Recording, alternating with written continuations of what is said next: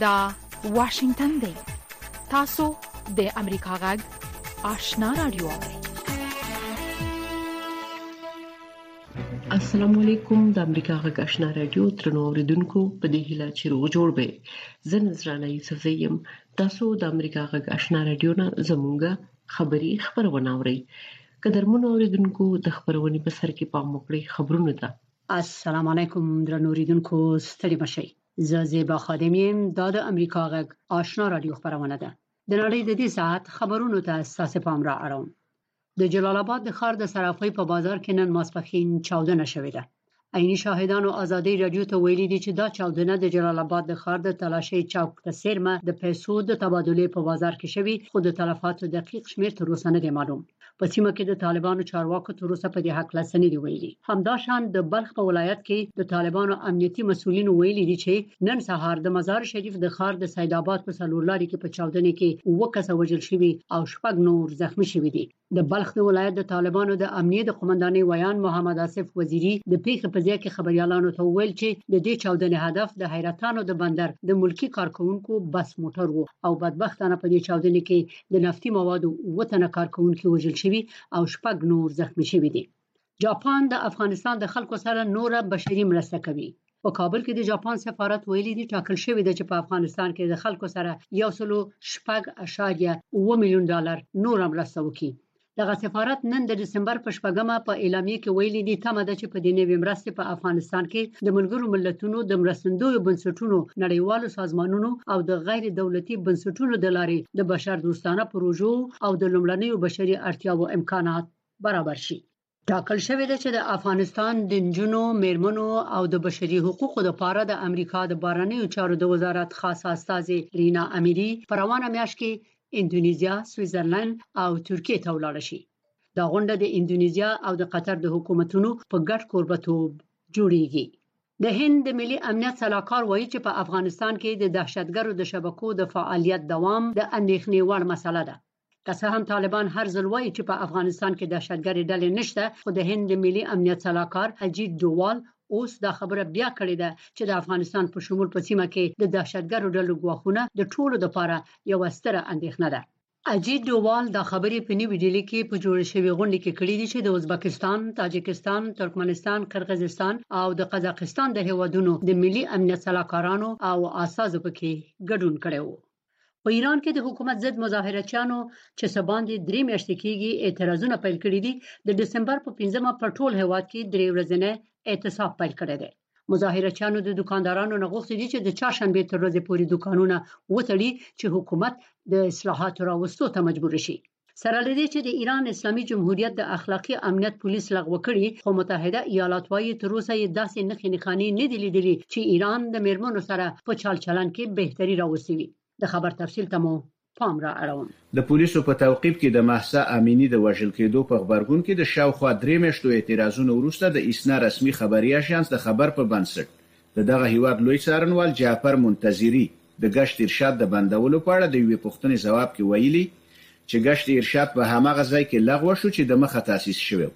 خو مبارزین په دې اقدام باور نه لري وايي د منتظري خبرې هسې خبرې او د ګشت ارشاد د پولیسو د بندولو رسمي اعلان نه دی د امریکا د باندنیو چارو وزیر انتوني بلینکن هم د ډیسمبر په پنځمه د اروپايي اتحادیې د سوداګرۍ په یوې غونډه کې خبریالانو سره په خبرو کې ویلي چې د ایران د اخلاقي امنیت د پولیسو تړل کېدل لا روښانه نه دي. د ولسمشر بایډن مرستیالې کاملا هریس تېره میاشت ویلي، احتمال لري متحده ایالات په دې غور وکړي چې ایران د ملګرو ملتونو د مېرمنو د حیثیت د کمېسیون څخه وباسي. احمداللار چیوال، اشنا راډیو، واشنګټن. د سیمې او نړۍ خبرونه د امریکا غږ آشنا راډیو د واشنګټن د استودیو نه اورئ. اوکراین سلګونه مایله دننه په روسیه کې دوه نظامي اډې ویشتلې دي. نیویارک ټایمز د دسمبر په 15مه د اوکراین د یو لوړ رتبه چارواکي له قوله ویلي اوکراین د ډرون الوتکو په وسیله دغه نظامی اډې وشتلې دي ډرون الوتکو د اوکراین د قلمرو نه پروازونه کړي او د راپورټ له قراره لږ تر لږه دوه الوتکې په یو اډه کې لمنځه وتللي او څو نورو ته زیان رسیدلی دی روسیې جاپان ته نږدې د کوریل په لانجمنو ټاپوګانو کې د میزایل دفاعي سیستم ځای په ځای کړی د روسیې د دفاع وزارت ویلي دي چې دا سیستم د جاپان او د روسیې د کمچتکا ټاپو وزمې ترمنځ په یو ستراتیژیک ټاپو کې ځای په ځای کړی دی. جاپان د روسیې تر واک لاندې د جنوبي کوریل په ټاپوګانو د مالکیت ادعا لري او خپل شمالي قلمرو یې بولي. د امریکا غږ آشنا راډیو نه د سیمې او نړۍ خبرونه ادامه لري. د سودان د پوځ قومندانانو او د ځینو سیاسي ګوندونو مشرانو پرون د دوشنبې په ورځ یوه موافقه لاسلیک کړه چې د دوی په وینا په دوه کلونو کې د قدرت انتقال او انتخاباتو ته لار اوروي د دې موافقې په اساس به هغه پراخ سیاسي تاوتریخوالی پای ته ورسیږي چې د 2021 کال د اکتوبر پوځي کودتا نه وروسته پیدا شوی دی د موسیقۍ نړیوالې شورا د افغانستان د موسیقۍ د ملي انسټیټیوټ بنسټ ایښودونکی او مشر احمد ناصر سرمست د 2022 کال د موسیقۍ د حقوقو اتل بللی دی ښاغلي سرمست امریکا غږ ته ویلي دي یو افغان ته دغه لقب ورکول د موسیقۍ د هنرمندانو او د افغانستان د خلکو د برحق مبارزې په رسمیت پیژندل دي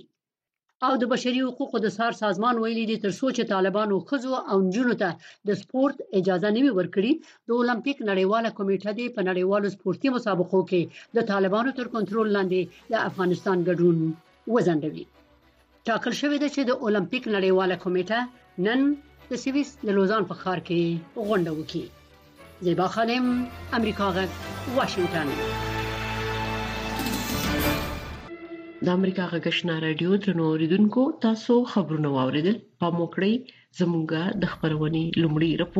که له یوې خوا د امریکا متحده ایالتونو په مزارشریف کې په وروستیو چاودنو اندېښنه ښودلې، له بلې خوا د افغانستان په اړه د بین الافغاني خبرو د ترسره کېدو په ارزښت ټینګار شوی.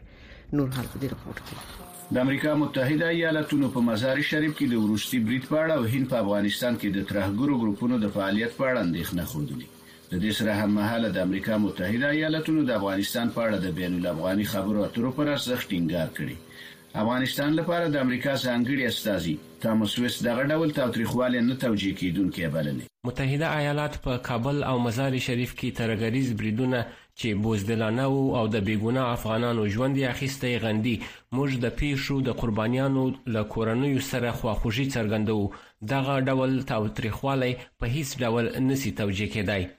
نن سهار په مزار شریف کې د بلخ د نفتي موادو پر موټر په یوې چاودنه کې پنځه کسان وژل شوي او څلور تنه نور ټپیان دي.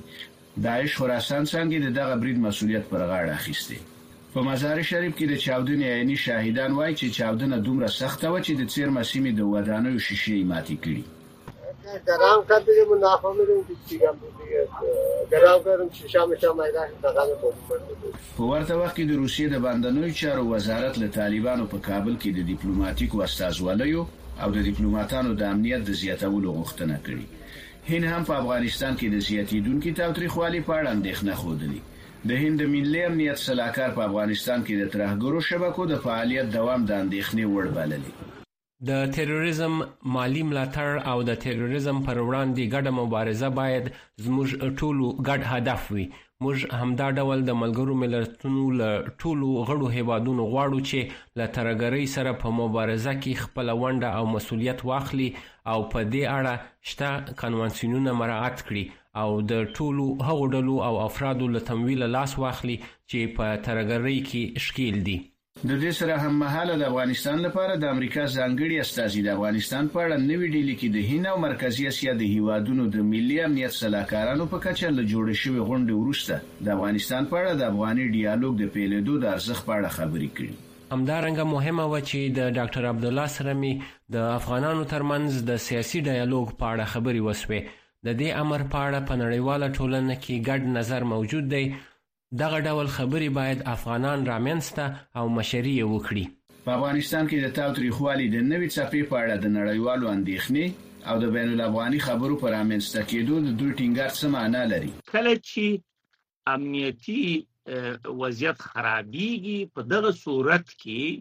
هم د ولس اندېښنې او هم د نړیوالو اندېښنې زیاتېږي او تر څنګ د دغو اندېښنو د رفع کولو او د امنیت د وضعیت د ښه کولو لپاره بین الافغاني خبرو ته اړتیا ده. په ورته وخت کې طالبانو دا اندېښنې چې افغانستان د نورو هېوادونو ته ګواښ وي، رد کړي. د طالبانو ویاند ذبیح الله مجاهد ټینګار کړی چې افغانستان پر خپله هغه ژمنه چې د افغانستان خاوره د نورو پر ضد نه کارول کېږي، ولاړ دی. احمدالله چیول اشنا تلویزیون واشنګټن. طالبانو د افغانستان له دننه د امریکا غاک رادیوي خبرونه درولې دي خو تر دې وروسته امریکا غاک په پوره ژمنتیا خپل افغان اوریدونکو ته په پښتو او دری ژبه د کره باوري او هررخیزو خبرونو په خبرولو د افغانستان له بهره پر منځنیو څپو 902 کیلو هرتز خپل خبرونه ته دوام ورکړئ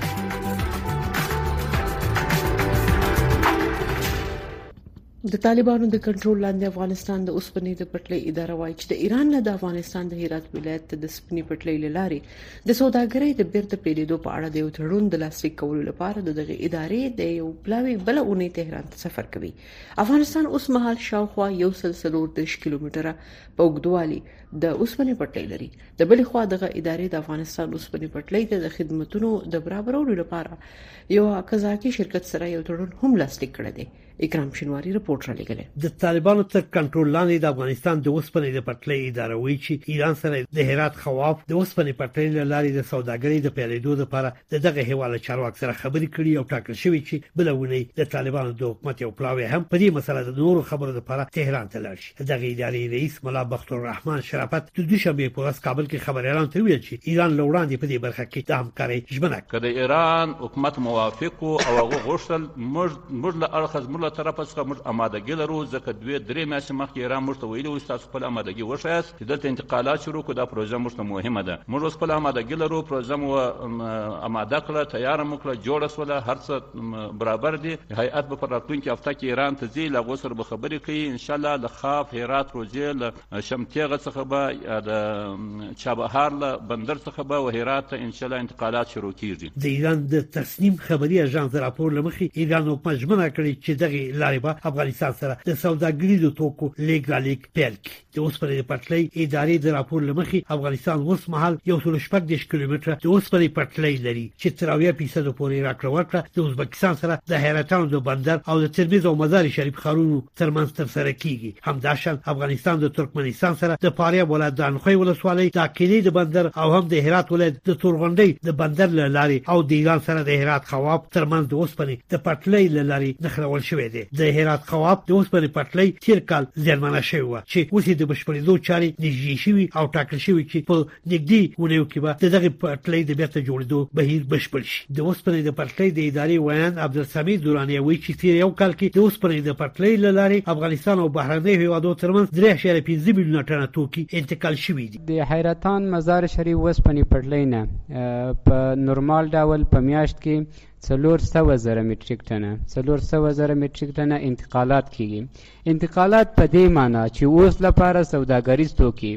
افغانستان چې هم صادریږي او هم ورته واردیږي په وارداتو کې موږ لویه برخه نفتي مواد او خوراکي توکي او پرزجات لرو او په صادراتو کې موږ وچه میوه ډیره لو دی وچې میوې برخه ډیره ده. په ورته وخت کې د اوسپنې د پټلۍ د ادارې رئیس بخت الرحمن شرافت وایي چې دغه ادارې د اوسپنې پټلۍ د ساتنې او توکو د لیږد د خدماتو د برابرولو لپاره د دوشنبې په ورځ کابل کې یو قزاقي شرکت سره د اتو میلیونو او څه باندې درې نیم سوه زرو امریکایي ډالرو یو تړون لاسلیک کړ چې له مخې به یې دا شرکت د دوه کلونو په موده کې د اوسپنې پټلۍ ادارې ته د توکو د لیږد او د پټلۍ د ساتنې برخه کې خدمتونه وړاندې کړي ښاغلی شرافت وویل چې پخواني رژیم د یو ازبکستاني شرکت سره یوازې د حیرتان په بندر کې د دغسې خدمتونو د برابرولو لپاره په کال کې د پنځلس میلیون ډالرو تړون لاسلیک کړی و بل په دې قرارداد کې یو شرط چې هغه ډېر مهم شرط او موږ ډېر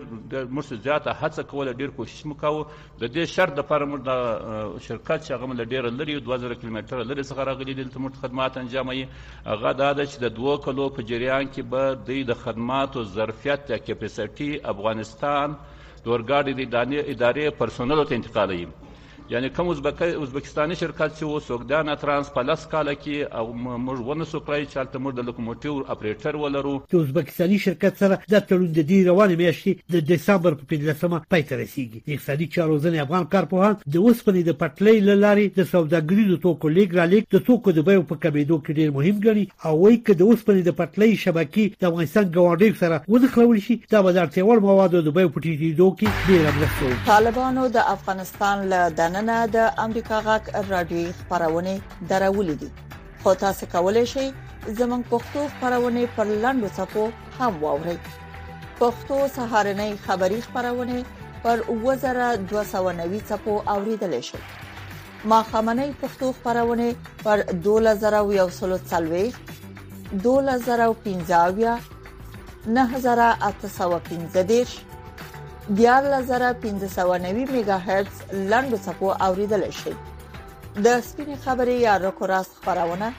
پر لاندو سپو 2015 میگا هرتز د نن او وضعیت یا روایت امروز خبرونه پر لاندو سپو 2040 9915 او ساسغت یا صداي شما خبرونه پر لاندو سپو 2015 او 9355 میگا هرتز اوریدل شي د افغانستان د سوداګرۍ او پانګونې خونې افغان محصولاتو او تولیداتو ته د بازار موندنې په مخه په کابل کې یو سوداګریز نندارتون جوړ کړی دی نور جزئیات په رپورت کې د سوداګریز نندارتون د افغانستان د بشمیره فرصتونو سیمه په نامه د طالبانو تر واکمنۍ لاندې د سوداګرۍ او پانګونې خونی لوره جوړ شوی دا اوسوا غرفي لري او پتیل شوی دا چې اوو ورځې به دوام کوي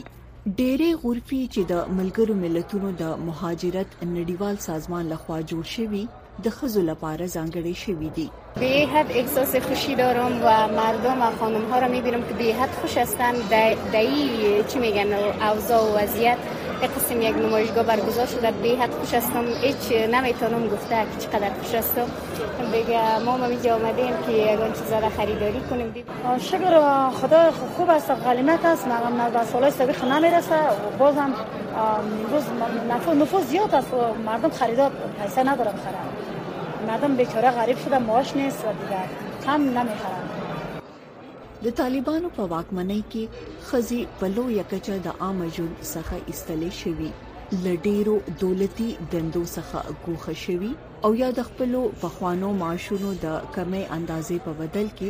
په کور کې د پاتې کېدو امر ورته شوی خو ډېری مرمنې د دی اونۍ په نندارتون کې ګډون ته لیواله وي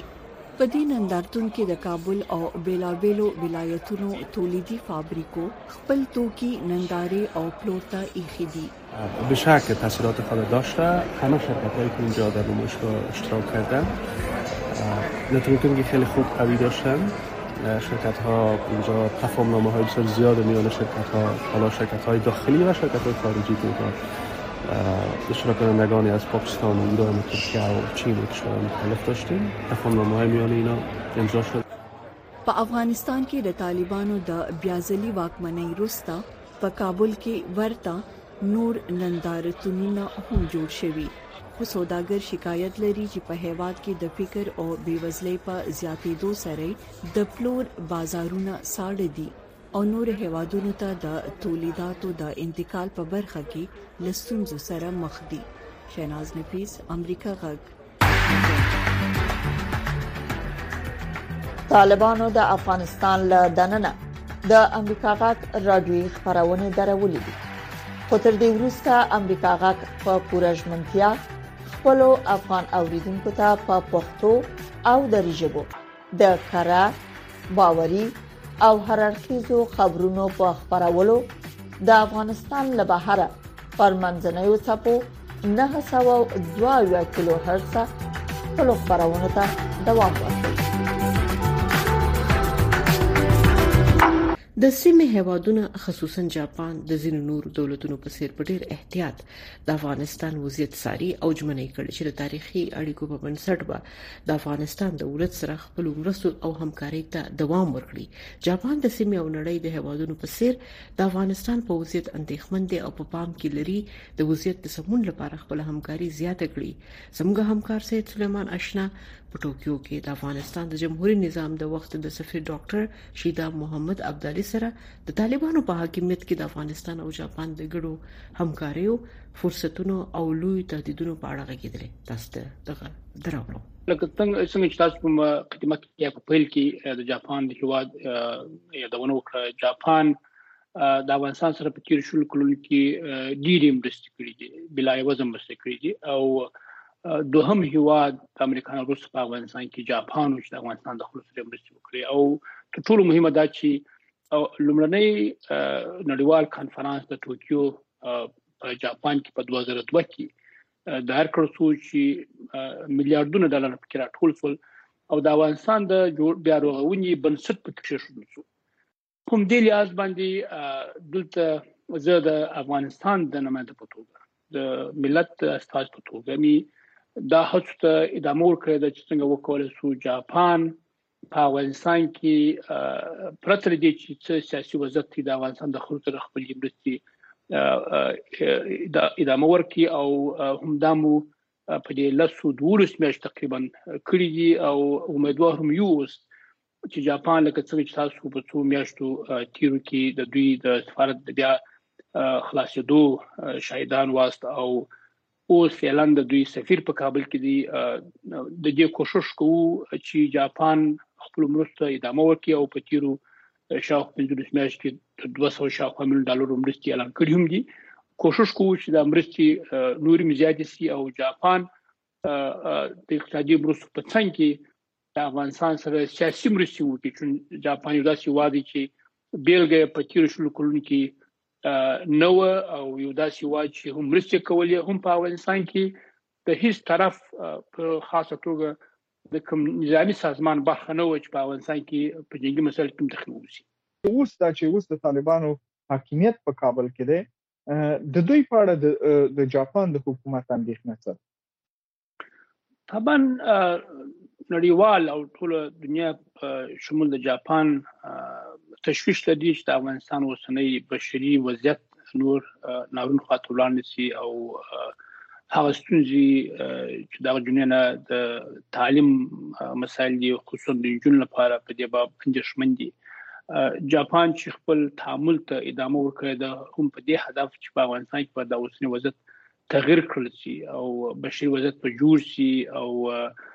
جنونو ته به تعلیم ورکړ شي او په عین وخت کې شوزو ته به حقوق ورکړ شي دا امید دی او د دې امید لپاره جاپان خپل تعامل ته ادامه ورکړي د سکم چې تازه د افغانستان په باره کې خصوصا تعلیمي اړخ باره کې څه کومک یا همکاري یادونه کړې ده څه ویلي دي لکه موږ شمه اشاره وکړه پس له د تیر حکومت سقوط ما په خپل دی افغان په توګه د افغانستان د خپل اساس په توګه هڅه مو را پیل کړ تر څو وکولای شو جاپان یو ځل بیا افغانستان ته توجه وکړي لکه شل کال اخوا ته چې د تحول پیل کې د یو نړیوال کانفرنس جوړ کړي د افغانستان د بیا ودانونې بنسټ یې شروع کړي نو ما د دې فکر سره دا فعالیت را پیل کړي چې جاپان کولای شي یو ځل بیا د لوی تحول نورست یو بل اقدام وکړي ترڅو په افغانستان کې نوې صفحه را پیل شي او په هغه کې د افغانستان د بیا ودانونې یا د ودان د ودانولو د دوام موضوع مطرح وي او په عین وخت کې افغانستان سیاسي حل یو دا سیاسي حل ته ضرورت لري چې هغه نتیجه د یو پایدار حکومت وي یو داس حکومت وي چې هغه کې افغانان ټول ګډ ګډون ولري او د افغانستان د خلکو حقوق خوندي او دنیاوالي پر رسمیت وپیژني په دې ونې کې یعنی د امریکا خاص استاذي کانویس د یوناما د پخوانی رئیس تاداماچی یاماماتو چې د پخپل جاپانی الاصل دی او سفیر پاتې شوی دی د سره ولیدل او دایم ویل چې په افغانستان کې د بشري مرستو په اهمیت سیاسي مذاکرو او بشري حقوقو په وضعیت باندې ورسره خبرې کړې دي فکر کوي چې جاپان واقعا په حقيقي ډول د افغانستان په سیاسي مسایلو کې ځان دخیل کی د تیرو تجربو په اساس باندې چې سیاسي هڅې ډېرې شوې دي او د سیم د په کچ باندې ډېرې شوې دي زه فکر کوم شخصا چې باید داسې یو هڅه راپرې شي چې په خوا نه وي نه وي سوي او د منطقې په سطح باندې د افغانستان ستونزې ستا او زه فکر کوم چې ستونزې په داخل په منطقه کې اوس نه حل کېدل شي چون په سیمه کې هوادونه په خپل منځو کې داسې ستونزې لري چې یو هیواد د بل هیواد په مقابل کې اوس هم فعالیتونه لري او همدا دلیل دی چې د یو داسې هیواد په لټه کې سو چې تر اوسه پرې داسې لوی سیاسي هڅه نه وي کړې د افغانستان د جوړولو لپاره نو جاپان د کومخت می اشاره وکړه یو به طرف هیواد او تر ټولو مهمه دا چې د افغانستان خلک پرې به باورمن دي دا چې څه په افغانستان کې نه دي کړی چې د افغانستان خلک به تر توري چې په تیر شل کلونو کې یا دا وکړي یا هاو کې د افغانستان د خلکو په خیر ونه وسی نو زوم د داسې به طرف هیواد په لټون کې باید ووسو او زه فکر کوم جاپان به تر هیواد دا واشنگټن څخه د امریکا جغ آشنا را جو اوري په داسې حال کې چې د امریکا د 2023م کال د ولسمشرۍ په ټاکنو کې کاندیدانو ته دغه هیواد دوه تر ټولو پاخه عمر لرونکي ولسمشران تیاری نیسي امریکایان په زیاتیدونکو ډول دا پوښتنه کوي په داسې یو هیواد کې چې د اوسیدونکو اوسط عمر شاوخوا 10 کال دی د ولسمشر کېدو لپاره حداکثر سن کوم دی پام وکړئ په دې اړه د سپینې ماړۍ نه د امریکا غږ د خبريالې انیتا پاول د رپورټ پښتو ژباړې ته که څه هم انګلیسي اصطلاح ده چې Age is just a number یعنی عمر یوازې یو عدد دی خو په سیاست کې عمر تش عدد نه بلکې مهم بلل کیږي د بیلګې په ډول په جسمانی ډول د کار د وړتیا په اړه پوښتنې ته د ولسمشر جو بایډن دې ځواب ته پام وکړئ زه ښه یم، څه نه دي بدل شوي، موږ ښه صحت لرو، نو تاسو پوهېږئ زه د خپلې اته پنځوسمې کلیزې نمانځلو ته سترګې په لار یم. له ټوکو ورهاخوا بایډن اتیا کلن دی او په ډیموکراتیک ډول ټاکل شویو د نړۍ د تر ټولو پاخه عمر مشرانو له جملې څخه دی. د هغه مهم سیال پخوانی ولسمشر ډانلډ ټرمپ شپږ اویا کلن دی. د ولسي جرګې رئیسه نانسي پلوسي چې د منتخبو مشرانو په سلسله کې دریم ځای لري د دوه اتیا کالو ده هغې تازه اعلان وکړ چې راتلونکې میاشت به د جرګې ریاست پریږدي زه په راتلونکي کانګرس کې د دیموکرات ګوند مشرتابه ته ځان نه کاندیدوم فکر کوم د نوي نسل وار دی چې د دیموکرات ګوند رهبری وکړي او زه یې درناوی کوم له دې امله منندوی یم چې ډېر کسان چمتو دي چې دې په زړه پورې مسوولیت ته اوږه ورکړي. تاریخ پوهان وايي د امریکا د لوړې کچې په سیاست کې عمر له ډېره وخته د یوې وسیلې په توګه کارول شوی او مخالف لوري ننګول شوي چې د مقام لپاره کافي تجربه لري که یا د کارپوهانو په اند مهمه پوښتنه دا ده چې د پاخه عمر مشران پر سیاسي تداوم څومره اغېزه کوي. د اوږدې مودې لپاره د مشرانو په واک کې د پاتې کېدو ستونزه دا ده چې د منځني عمر لرونکو وړو ځایناستو ته موقع نه ورکول کېږي. له همدې امله زموږ په ډېرو ګوندونو کې رهبري له اویا کلونو څخه څلوېښت کلونو ته انتقالېږي. ډېری د پاخه عمر کاندیدان وايي صحتمند دي. د ډانلډ ټرمپ ملاتړي ادعا کوي له صحي پلوه هغه د رهبرۍ وړ دی او د بایډن صحت په زوړه روان بولي. تاسو د اوږدې مودې باتجربه مشرانو پوهې ته اړتیا لرئ او ډانلډ ټرمپ د روغتیا ترڅنګ د اړتیا وړ پوهه او تجربه هم لري. خو ټرمپ عمر د مسئلې یوازې یو جز بولي او وايي، ډېر اتیا کلن او نوي کلن خلک تر اوسه ښه صحت لري. بایډن له هغه جملې نه دی. دی وايي، په اصل کې ژوند له اتیا کلنۍ پیلېږي. په امریکا کې د ناروغیو د مخنیوي او وقایې اداره وایي په دغه هیواد کې خلک په اوسط ډول شاوخوا شپږ اویا کاله ژوند کوي شنونکي وایي د رای ورکوونکو او مشرانو ترمنځ د عمرونو فاصله ستونزې ایجادوي خو په تاریخي لحاظ د امریکا د ولسمشرانو په عمرونو کې زیاتوالی تر سترګو کیږي د بیلګې په ډول دا ولسمشر اووه څلوېښت کلن و دا بل ولسمشر شپږ څلوېښت کلن و او دا هم اته کاله وروسته د نړۍ د یوې مهمې څوکۍ د امریکا مشرتابه لپاره کاندیدان طالبانو د افغانستان له دننه د امریکا غاک رادیوي خبرونه درولې دي خو تاسو کولی شئ زموږ پښتو خبرونه پر لاندو صفحو هم واورئ پښتو سهارنۍ خبری خبرونه پر 2290 صفحو اوریدل شئ ما خامنۍ پښتو خبرونه پر 2140 2015 9815 14590 میگا هرتز لاندو صفحو اوریدل شئ د سپینې خبرې یا رکوراس خبرونه پر لاندو ټکو 2015 یا میگا هرتز د نن او وضعیت یا روایت امروز خبرونه پر لاندو ټکو 2040 9915 او ساسغت یا صداي شما خبرونه پر لاندې ټکو 2513 او 9355 میگا هرتز اوریدل شي